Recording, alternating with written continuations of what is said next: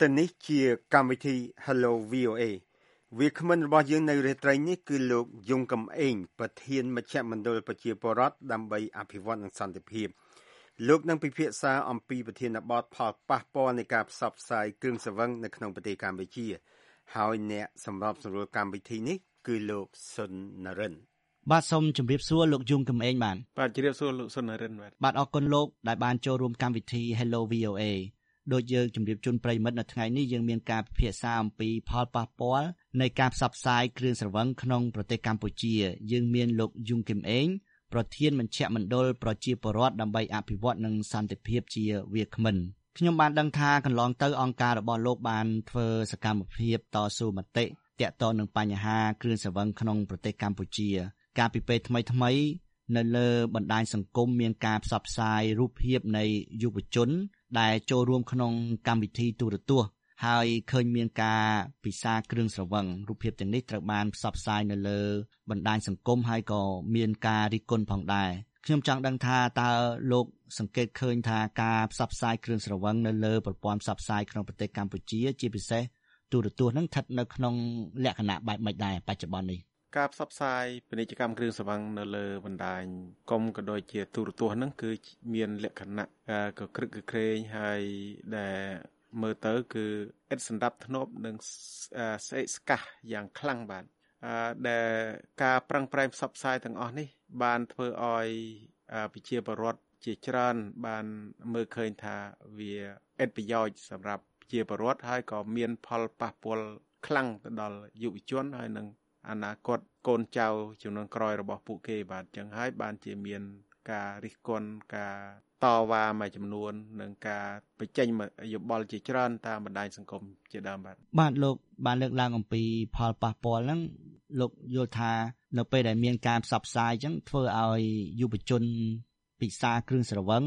ឬក៏ការផ្សព្វផ្សាយនឹងមានការជំរុញបែបម៉េចដែរបានធ្វើឲ្យដូចថាមានផលប៉ះពាល់ទៅលើពួកគាត់ បាទតាមការរកឃើញគេបានឲ្យដឹងថាការផ្សព្វផ្សាយពាណិជ្ជកម្មគ្រឿងសង្វឹងនេះមានឥទ្ធិពលខ្លាំងទៅលើយុវជន ជាពិសេសគឺកុមារយុវជន ដែលគាត់មិនទាន់មានការធ្វើការវិនិច្ឆ័យត្រឹមត្រូវគាត់គ្មានព័ត៌មានជាក់លាក់ឬក៏ព័ត៌មានច្រើនអំពីបញ្ហាគ្រឿងសង្វឹងយើងដឹងហើយថារូបភាពនៃការផ្សាយពាណិជ្ជកម្មគ្រឿងសង្វឹងបានបង្ហាញអំពីភាពវិជ្ជមានខ្លាំងសម្រាប់សុខភាព សម្រាប់ភាពមុំមួនសម្រាប់ភាពឆ្លាតវៃអីជាដើមបាទប៉ុន្តែផ្ទុយទៅវិញគ្រឿងសង្វឹងបាន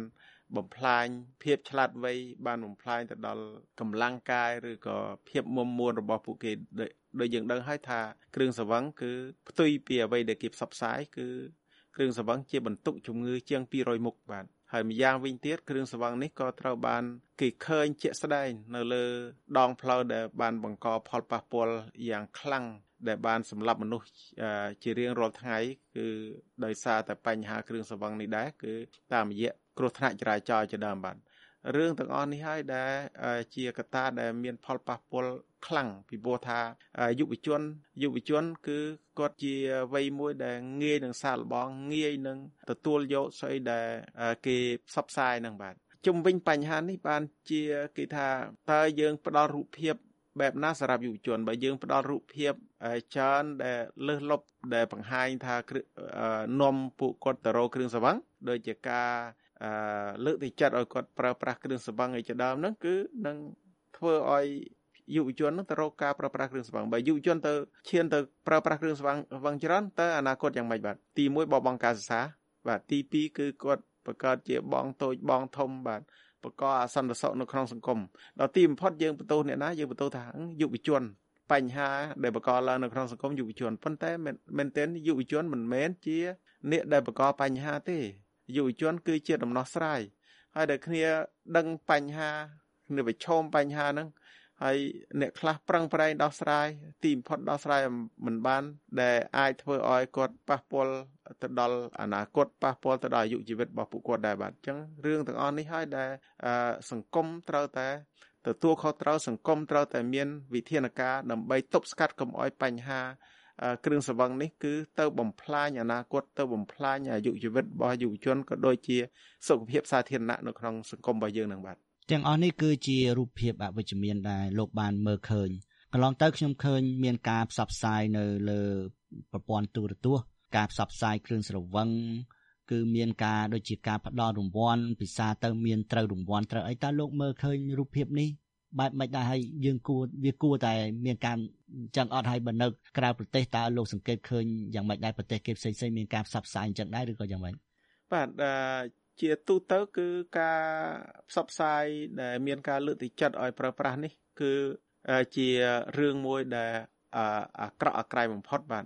ហើយដែលនៅបណ្ដាប្រទេសយើងមិនបាច់ចាំទៅមើលឆ្ងាយទេបាទយើងមើលតែប្រទេសជិតខាងគឺគ្មានអ្នកណាគេទៅនាំយុវជនឡើងឆាកទៅផឹកគ្រឿងសង្វឹងលើកទឹកចិត្តឲ្យផឹកអីចឹងទេបាទពីព្រោះបញ្ហាគ្រឿងសង្វឹងនេះជាបញ្ហា អបាយមុខមួយ ហើយជាបញ្ហាដែលប្រឈមនៅក្នុងការធ្វើដំណើរទៅរកអនាគតដ៏ផូរផង់ដ៏ភ្លឺស្វាងរបស់ពួកគាត់បាទចុះបើសិនជាគ្រឿងសង្វឹងជាឧបសគ្គមួយដែលនៅរៀងផ្លូវពួកគាត់ថាតើពួកគាត់ដើរទៅដល់ចំណុចគោលដៅរបស់ពួកគាត់បានទេបាទគឺមិនអាចទេបាទរឿងអស់នេះហើយដែលបណ្ដាប្រទេសយើងគិត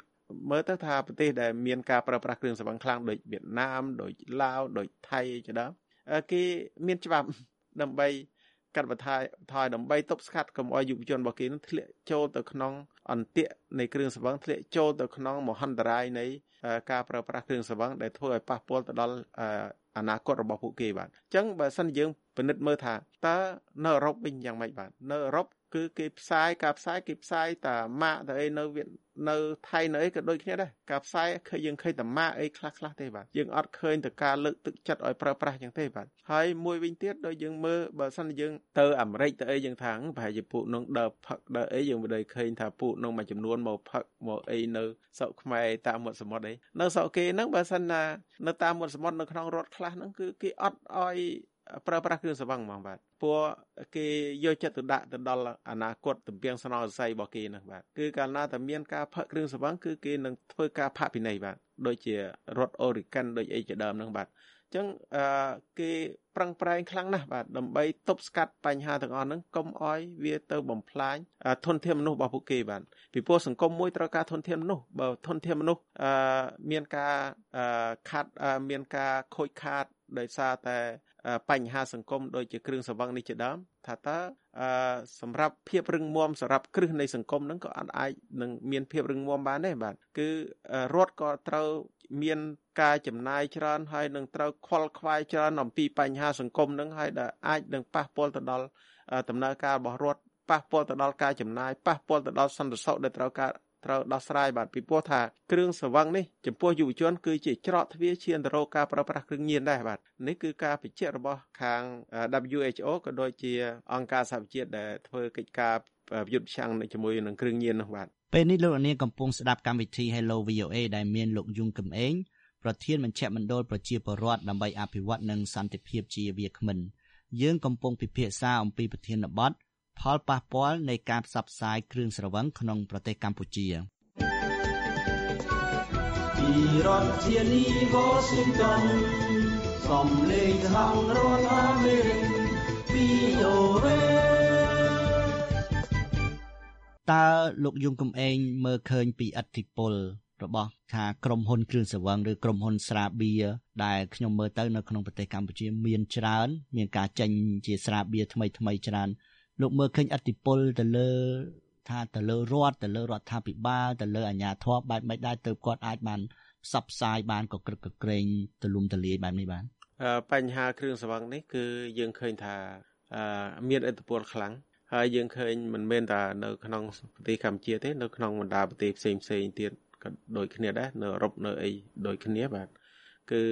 គ្រឿងសង្វឹងមានទំនាក់ទំនងយ៉ាងរឹងមាំយ៉ាងស្អិតរមួត ជាមួយនឹងអ្នកនយោបាយដែរដូច្នេះហើយដែលធ្វើឲ្យបញ្ហាការដោះស្រាយបញ្ហាគ្រឿងស្វឹងនេះគឺមានការលំបាកហើយដែលជាឧបសគ្គធំសម្រាប់អ្នកដែលធ្វើការពាក់ព័ន្ធជាមួយនឹងសុខភាពសាធារណៈពីព្រោះថាបញ្ហាដែលដោះស្រាយបញ្ហានេះ គឺលុះត្រាតែមាន ការបដិញ្ញាចិត្តខាងនយោបាយនឹងខ្លាំងដែរបាទដើម្បីធ្វើឲ្យ បញ្ហាគ្រឿងសង្វឹងនេះអាចនឹងថយចុះហើយក៏ធ្វើឲ្យឧស្សាហករគ្រឿងសង្វឹងនឹងអាចបន្ថយល្បឿនរបស់ពួកគេបាទកុំឲ្យពួកគេធ្វើអីសាច់ទៅចិត្តដែលធ្វើឲ្យប៉ះពាល់ទៅដល់សង្គមនោះបាទអញ្ចឹងត្រូវការការបដិញ្ញាចិត្តនោះខ្លាំងពីរដ្ឋាភិបាលបាទអញ្ចឹងដែលខ្ញុំសង្ឃឹមថារដ្ឋាភិបាលដែលឃើញថាថ្មីថ្មីនេះក៏មានការយកចិត្តទុកដាក់មួយចំនួនដែរបាទដូចជា ការឲ្យការដោយក្រសួងព័ត៌មានអីមានសេចក្តីណែនាំទៅដល់ប្រព័ន្ធផ្សព្វផ្សាយខាបាលអីធ្វើសេចក្តីពយល់ពីផលប៉ះពាល់អីបាទប៉ុន្តែมันគ្រប់គ្រាន់ទេតើតែមានមានច្បាប់ស្តីពីការត្រួតគ្រប់គ្រងផលិតផលគ្រឿងសង្វឹងអានឹងបានគ្រប់គ្រាន់បាទហើយក៏អនុវត្តឲ្យមានប្រសិទ្ធភាពទៀតបាទហើយលើពីនោះទៅទៀតគឺយើងឃើញហើយថាការរៀបចំឲ្យមាន ក្រមប្រតិបត្តិក្នុងការផ្សព្វផ្សាយ ពាណិជ្ជកម្មគ្រឿងសង្វឹងនេះបាទអញ្ចឹងថាតើក្រមប្រតិបត្តិនឹងរូបរាងយ៉ាងម៉េចខ្លឹមសារយ៉ាងម៉េចយើងនឹងចាំមើលតទៅទៀតហើយយើងឃើញថាសម្ដេចនាយករដ្ឋមន្ត្រីនឹងក៏បានណែនាំដែរថាឲ្យមានការត្រួតពិនិត្យទៅលើការផ្សព្វផ្សាយតាម billboard អីជាដើមបាទអញ្ចឹងយើងឃើញថាហៈទំនោរខានយោបាយនឹងបានមើលឃើញ អំពីផលប៉ះពាល់នៃគ្រឿងសង្វឹងនឹងថាវាជាមហន្តរាយវាជាផលប៉ះពាល់ វាជាឧបសគ្គសម្រាប់ការអភិវឌ្ឍសង្គមការអភិវឌ្ឍជាតិបាទអញ្ចឹងខ្ញុំថាបើសិនជាមើលឃើញដូច្នេះហើយគឺខ្ញុំសង្ឃឹមថាវាអាចជាច្រកផ្លូវមួយផ្លូវមួយអាចទៅឈានទៅរកការអនុម័តច្បាប់នោះឲ្យបានលឿនបាទឲ្យបានឆាប់ដើម្បីដោះស្រាយបញ្ហាសង្គមដែលកើតឡើងបច្ចុប្បន្ននេះសក្តីព្រាច្បាប់ស្តីពីការគ្រប់គ្រងស្រឹកគ្រឿងសង្វឹងហ្នឹងខ្ញុំបានដឹងថាជាប់គាំងជិត10ឆ្នាំមកហើយកន្លងទៅអតីតរដ្ឋមន្ត្រីក្រសួងសុខាភិបាលលោកមុំមិនហេងក៏ធ្លាប់បានលើកឡើងថាបានបញ្ចប់ហើយ ក្រុងនឹងបញ្ជូនឆាប់ឆាប់ដល់ពេលឆាប់ឆាប់ក្នុងរយៈពេល10ឆ្នាំហើយលោកមើលឃើញអីជាបញ្ហាធ្វើឲ្យជាប់គាំងនេះខ្ញុំថាការជប់គៀងនេះគឺដោយសារតែដោយលោកនរិនបានលើកឡើងពីបញ្ហាអធិបុលនៃឧស្សាហកម្មគ្រឿងសង្វឹងខាងដើមអញ្ចឹងបាទគឺដោយសារថាឧស្សាហកម្មគ្រឿងសង្វឹងនឹងមានឥទ្ធិពលខ្លាំងបាទហើយអាចនឹងមានអាចនឹងមានទំនាក់ទំនងខ្លាំងជាមួយនឹងអ្នកនយោបាយដែលធ្វើឲ្យច្បាប់នេះ ត្រូវនៅត្រឹងបាទស្រីព្រៀងច្បាប់នេះបាទហើយដែលទន្ទឹមគ្នានោះយើងឃើញថាឧស្សាហកម្មគ្រឿងសង្វឹងក៏បានបានកញ្ជ្រោលនៅក្នុងការផ្សាយពាណិជ្ជកម្មគ្រប់រូបភាពយើងឃើញតាំងពីការហែក្បួនហែអីជាដើមបាទទាំងអស់ហ្នឹងគឺជារូបភាពដ៏អាក្រក់ក្រៃហើយការដែលច្បាប់នេះมันអាចរុញទៅមុខបានខ្ញុំឃើញថាវាជាការពិតណាស់នឹងមានអត្តពលខ្លាំងពីឧស្សាហកម្មគ្រឿងសង្វឹងនេះបាទ ចុះលោកមើលឃើញអំពីការផ្សព្វផ្សាយគ្រឿងស្រវឹងនៅលើដងផ្លូវឬក៏ពីការដែលអាជ្ញាធរទទួលគ្រឿងស្រវឹងពីក្រុមហ៊ុនមានការបង្ហោះលើបណ្ដាញសង្គមលោកឃើញផលប៉ះពាល់យ៉ាងម៉េចដែរខុសពីការប៉ះនៅលើប្រព័ន្ធផ្សព្វផ្សាយដែលមានការផ្សព្វផ្សាយកក្រឹកកក្រែងហ្នឹងបាទនៅតាមការផ្សាយពាណិជ្ជកម្មនៅតាមដងផ្លូវក៏ដូចជាការឧបត្ថម្ភគ្រឿងស្រវឹងទៅដល់អាជ្ញាធរនេះរូបភាពទាំងអស់នេះ គឺជារូបភាពដ៏ខ្មាស់អៀនមួយបាទនៅក្នុងសង្គមមួយដែលមានអរិយធម៌ដែលមានវប្បធម៌ដ៏ល្អផូរផង់ដែលត្រូវបានគេគោរពត្រូវបានគេកោតសរអំពី អ្នកដែលកសាងអង្គរអ្នកដែលកសាងវប្បធម៌ប្រពៃណីដ៏អស្ចារ្យបាទប៉ុន្តែបើសិនជាសម័យអង្គរនោះបើសិននៅកម្ពុជាសបោពាណិជ្ជកម្មគ្រឿងសង្វឹងសបោអ្នកអឺផឹកគ្រឿងសង្វឹង ទំនងជាធ្វើអង្គរអត់បានទេបាទបាទនេះរឿងមួយប៉ុណ្ណាហើយរឿងដែលសំខាន់ដែលខ្ញុំមើលឃើញថាអាញាធររដ្ឋាភិបាលខ្ញុំថាក្រសួងមហាផ្ទៃនោះមិនគួរអនុញ្ញាតឲ្យមានការទទួលការឧបត្ថម្ភគ្រឿងសង្វឹងពីឧស្សាហកម្មគ្រឿងសង្វឹងទេបាទពីព្រោះថាវាជារូបភាពដ៏ខ្មាស់អៀនមួយដែលរត់ទៅទទួលយកពីក្រុមហ៊ុនគ្រឿងសង្វឹងនៅគ្រឿងសង្វឹងរាប់សិបកែហើយ ទៅដាក់ចូលនៅក្នុង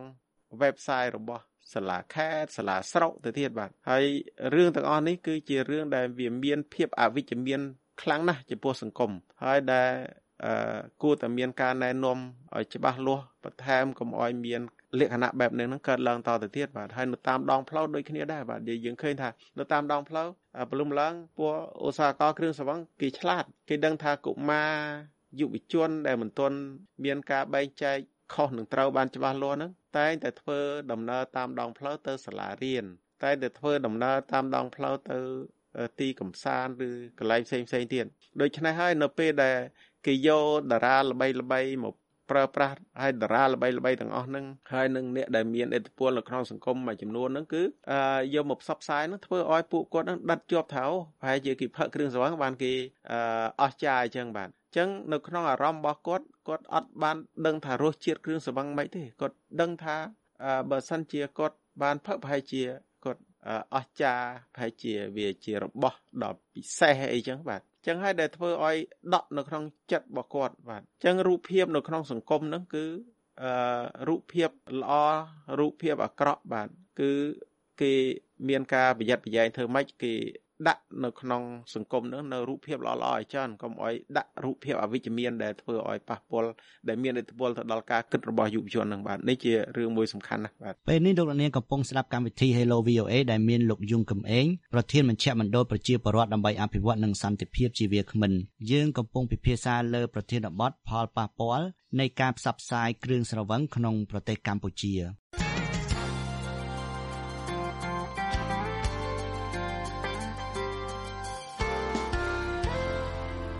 កាលពីកន្លងទៅមានការសិក្សាជារបាយការណ៍ដែរបើនិយាយពីបញ្ហាគ្រឿងសង្វឹងនេះដែលជាការសិក្សារបស់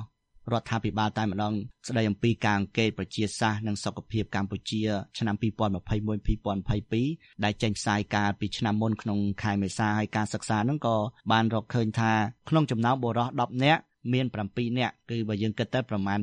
70%សេពគ្រឿងស្រវឹង ហើយក្រុមហ៊ុនភេសជ្ជៈជប៉ុនមួយឈ្មោះ Kirin នឹងបានលើកឡើងថាកម្ពុជាគឺប្រជាជនសរុបទាំងអស់ដែលគេបានស្ទង់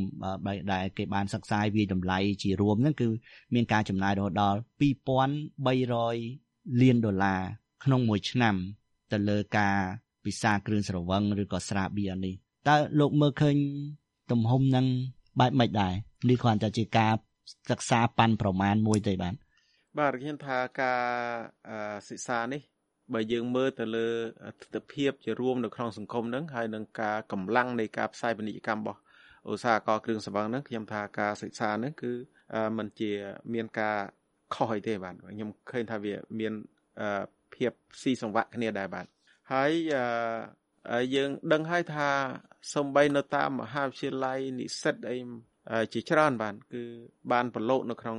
រឿងគ្រឿងសង្វឹងនេះដែរបាទហើយ រឿងទាំងអស់ហ្នឹងដែលយើងឃើញថាពេលខ្លះគឺពួកគាត់ហ្នឹងទៅពិសាគ្រឿងសង្វឹងជាមួយគ្រូជាមួយអីចឹងទៅបាទបើតាំងយើងពីដើមមិនហ៊ានទេបាទមិនហ៊ានណាទៅទៅជល់កែវជាមួយគ្រូទៅប្រើគ្រឿងសង្វឹងនៅមុខគ្រូអីចឹងជាមួយគ្រូជាមួយសិស្សអីជាមួយគ្នាហ្នឹងគឺកម្រណាស់បាទកម្រនឹងកើតមានណាបើកើតមានហ្នឹងគឺជារូបភាពមួយដែលគេមើលឃើញថាវាមិនសមទំនងណាបាទបើឥឡូវនេះវាទៅជាសាមញ្ញណាបាទអញ្ចឹងនេះជារឿងមួយដែល ដែលដែលមានការព្រួយបារម្ភខ្លាំងបាទជំវិញបញ្ហានេះខ្ញុំថាតួលេខនេះជារឿងមួយដែលពញាក់ស្មារតីឲ្យរដ្ឋាភិបាល អ្នកធ្វើគោលនយោបាយត្រូវតែមានការចាប់អារម្មណ៍អំពីបញ្ហានេះនេះ ជាការខាត់បង របស់ជាពលរដ្ឋបើសិនជាពលរដ្ឋអាចអាចកាត់បន្ថយបាន បាទប្រហែលជាគាត់អាចយកទៅសងបំណុលគេគាត់អាចយកទៅ ផ្គត់ផ្គង់ជីវភាពគាត់អាចយកទៅដោះស្រាយសម្រាប់ការឧបត្ថម្ភគ្រប់គ្រងទៅដល់កូនគាត់ទៅសាលារៀនបាទអញ្ចឹងគាត់អាចគាត់អាចនឹងប្រើប្រាស់ថវិកានឹងបាន សម្រាប់ជាផលប្រយោជន៍ខាងសង្គមផងនិងសម្រាប់គ្រួសាររបស់គាត់ផងនឹងបានច្រើនបាទកន្លងទៅខ្ញុំបានដឹងថាអង្គការរបស់លោកក៏បានធ្វើយុទ្ធនាការមួយចង់ឲ្យមានការដំឡើងពន្ធគ្រឿងសង្វឹងឬពន្ធស្រាបៀរហ្នឹង យើងបានដឹងថាប្រជាជនកម្ពុជាបានពិសាគ្រឿងស្រវឹងច្រើន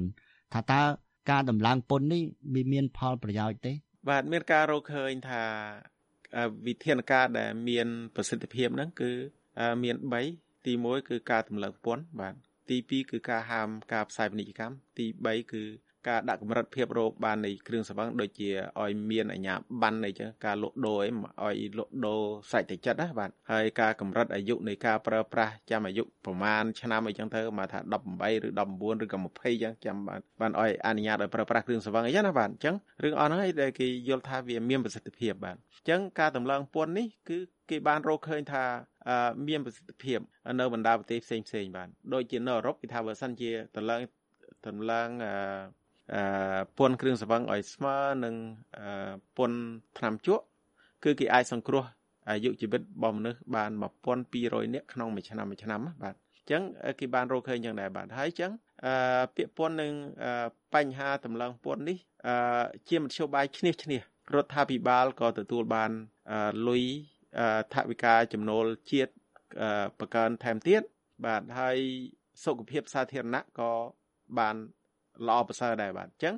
ជុំវិញបញ្ហានេះហើយដែលគេយល់ថាបញ្ហាការតម្លើងពន្ធនេះវាជាមធ្យោបាយឈ្នះឈ្នះបាទតើតម្លៃស្រាបៀរក្នុងប្រទេសកម្ពុជាលោកមើលឃើញនៅទៀបឬយ៉ាងម៉េចព្រោះក្នុងមួយកេសបើយើងគិតមួយកេសអាច15ដុល្លារក្នុងមួយកំប៉ុងវាអាចក្នុងតម្លៃ2500ហើយមានការផ្សព្វផ្សាយខ្លះហ្នឹងថាពិសាហើយហ្នឹងមួយកំប៉ុងត្រូវមួយកំប៉ុងពិសាអស់មួយកេសចង្ការត្រូវមួយកេសឬការត្រូវកន្លះកេសថែមទៀតចឹងលោកឃើញ តើបើសិនបើដំឡើងឧទាហរណ៍ថាពី2500ទៅប៉ុន្មានទៅដើម្បីថាវាជាការចូលរួមចំណែកមួយដែរក្នុងការកាត់បន្ថយការពិសាគ្រឿងសង្វឹងយើងអត់គិតតម្លៃលក់រាយនឹងទេប៉ុន្តែយើងគិតទៅដល់ការពន្ធដែលយើងមើលឃើញថាបច្ចុប្បន្ននេះពន្ធមានតែត្រឹម30%សម្រាប់ស្រាបៀរហើយនឹង35%សម្រាប់ស្រាអញ្ចឹងជាទូទៅគឺយើងបានទៀមទាថាតម្លៃពន្ធ ការយកពន្ធនៅកម្ពុជាហ្នឹងគឺវាទាបជាងបណ្ដាប្រទេសផ្សេងផ្សេងទៀតនៅក្នុងអាស៊ានអញ្ចឹងយើងថាឲ្យកម្ពុជាហ្នឹងអាចបន្ថែមបន្តិចម្ដង ថាសាដល់រហូតដល់ថា40ឬក៏45%បាទនៅក្នុងរយៈពេលនេះបាទហើយបន្ទាប់មកទៀតយើងនឹងបន្តបង្កើនថែមទៀតបើយើងឃើញនៅថៃគេអត់គិតអំពីកម្រិតជាតិអកុលទេឲ្យតាភេសជ្ជៈណាមានជាតិអកុលគឺគេយកពន្ធរហូតដល់60%បាទអញ្ចឹងសម្រាប់កម្ពុជាយើងក៏ត្រូវតែពិចារណាដែរបាទកាលការរកឃើញរបស់អ្នកជំនាញរឿងដែលគ្រឿងសង្វឹងក៏ដូចជាអង្គការ WHO ជាដើមគេបានរកគេបានកំណត់ថាបើសិនជា យើងយកពន្ធខុសគ្នាយកពន្ធទៅតាមកម្រិតជាតិអកុលហ្នឹងគឺនឹងធ្វើឲ្យពុំសូវមានប្រសិទ្ធភាពទេពន្ធហ្នឹងវិធានការហ្នឹងតើឡាមកថាឲ្យតែភេសជ្ជៈណាមាន ជាតិអកុលគឺត្រូវតែយកពន្ធដូចគ្នាបាទអាហ្នឹងបានអាចជាមធ្យោបាយដោះស្រាយដែរបើយើងថាកាលណាកម្រិតជាតិអកុលកាន់តែតិចយកពន្ធកាន់តែតិចអញ្ចឹងពួកឧស្សាហកម្មគ្រឿងសង្វឹងឆ្លាតគាត់នឹងបន្ថយកម្រិតជាតិអកុលហើយធ្វើឲ្យមនុស្សផឹកបានច្រើនដូចគ្នាហើយដល់កាលណាប្រើប្រាស់ច្រើនគឺអាភាពគ្រោះថ្នាក់ហ្នឹងច្រើនដូចគ្នាបាទមានមានមានទំហំដូចគ្នាបាទអញ្ចឹងដែលអាចមិនអាចនឹង កាត់បន្ថយគ្រោះថ្នាក់ដែលជាប់ពាក្យពន្ធគ្រឿងស្វឹងបានហើយខ្ញុំគ្រាន់តែចង់បញ្ជាក់ថាយើងទៀមទាឲ្យមានច្បាប់ស្តីពីការគ្រប់គ្រងផលិតផលគ្រឿងស្វឹងឬត្រួតពិនិត្យគ្រឿងស្វឹងនេះមិនមែនជាច្បាប់ហាមឃាត់មនុស្សមកឲ្យផឹកទេគឺគ្រាន់តែជាការដោះស្រាយបញ្ហាសុខភាពសាធារណៈគឺគ្រាន់តែជាការដោះស្រាយបញ្ហាដែលជាប់ពាក្យពន្ធគ្រឿងសង្វឹងបាទបើគាត់ផឹកហើយគាត់នៅផ្ទះគាត់គាត់គាត់ប្រើប្រាស់ហើយគាត់នៅកន្លែងមួយដែល គាត់អត់ធ្វើដំណើរបាទដូចកាលថ្ងៃមុនចឹងយើងឃើញស្ពានបាឡេហ្នឹងដោយសារគាត់បើគាត់ផឹកនៅផ្ទះគាត់ហើយគាត់សម្រាកទៅអត់មានប៉ះពាល់ដល់អ្នកដទៃគាត់ប្រើប្រាស់ហើយគាត់ធ្វើដំណើរគឺធ្វើបង្កគ្រោះថ្នាក់ដល់យុវជនដល់និស្សិតនឹងដែលជាតំពាំងស្នងសរសៃរហូតដល់4នាក់គ្នាបាត់បង់ជីវិតនឹងបាទខ្ញុំមានសំណួរចុងក្រោយលោកយងកំឯងថាតើលោកមើលឃើញពីទួនាទីរបស់ប្រជាពលរដ្ឋទូទៅ ចូលរួមបែបម៉េចដែរទៅលើដើម្បីជួយចូលរួមកាត់បន្ថយនឹងបាន បាទខ្ញុំឃើញថាសាធារណជនប្រជាពលរដ្ឋគឺមានការចូលរួមអឺខ្លាំងបាទផុសផុលដែលយើងឃើញតាមបណ្ដាញសង្គមមិនស្រួលគឺឃើញរូបភាពគ្រឿងសង្វឹងដែលមិនមិនស្រួលហ្នឹងគឺគាត់នឹមគ្នាធ្វើការបញ្ចេញយោបល់បាទហើយតាមការសិក្សាស្រាវជ្រាវរបស់មជ្ឈមណ្ឌលប្រជាពលរដ្ឋដើម្បីអភិវឌ្ឍសន្តិភាពហ្នឹងគឺយើងឃើញថា98%បាទ 98.7%ដែលប្រជាពលរដ្ឋហ្នឹងទៀមទាដែលឲ្យមានការហាមឃាត់ការផ្សាយពាណិជ្ជកម្មគ្រឿងសង្វឹងបាទនេះគឺជាតួលេខមួយខ្ពស់បាទហើយប្រជាពលរដ្ឋ93ជិត99ជិត94%ហ្នឹងគឺគាត់ទៀមទាឲ្យមានការចេញច្បាប់ពន្លឿនច្បាប់ឬក៏អនុម័តច្បាប់ស្ដីពី ការគ្រប់គ្រងផលិតផលគ្រឿងសង្វឹងនេះបាទអញ្ចឹងខ្ញុំឃើញថាសកម្មភាពរបស់សាធារណជន គឺគេបានទទួលស្គាល់ថាគ្រឿងសង្វឹងគឺជាបញ្ហាគ្រឿងសង្វឹងគឺជាឧបសគ្គសម្រាប់ជីវិតសម្រាប់គ្រួសាររបស់ពួកគេហើយស្ត្រីជាច្រើនកុមារជាច្រើនដែលទទួលរងគ្រោះអំពីគ្រឿងសង្វឹងដែលសិទ្ធិរបស់ពួកគេត្រូវបានរំលោភដោយសារតែអ្នកប្រើប្រាស់គ្រឿងសង្វឹងហ្នឹងគឺចាប់ផ្ដើមបញ្ចេញមតិចាប់ផ្ដើម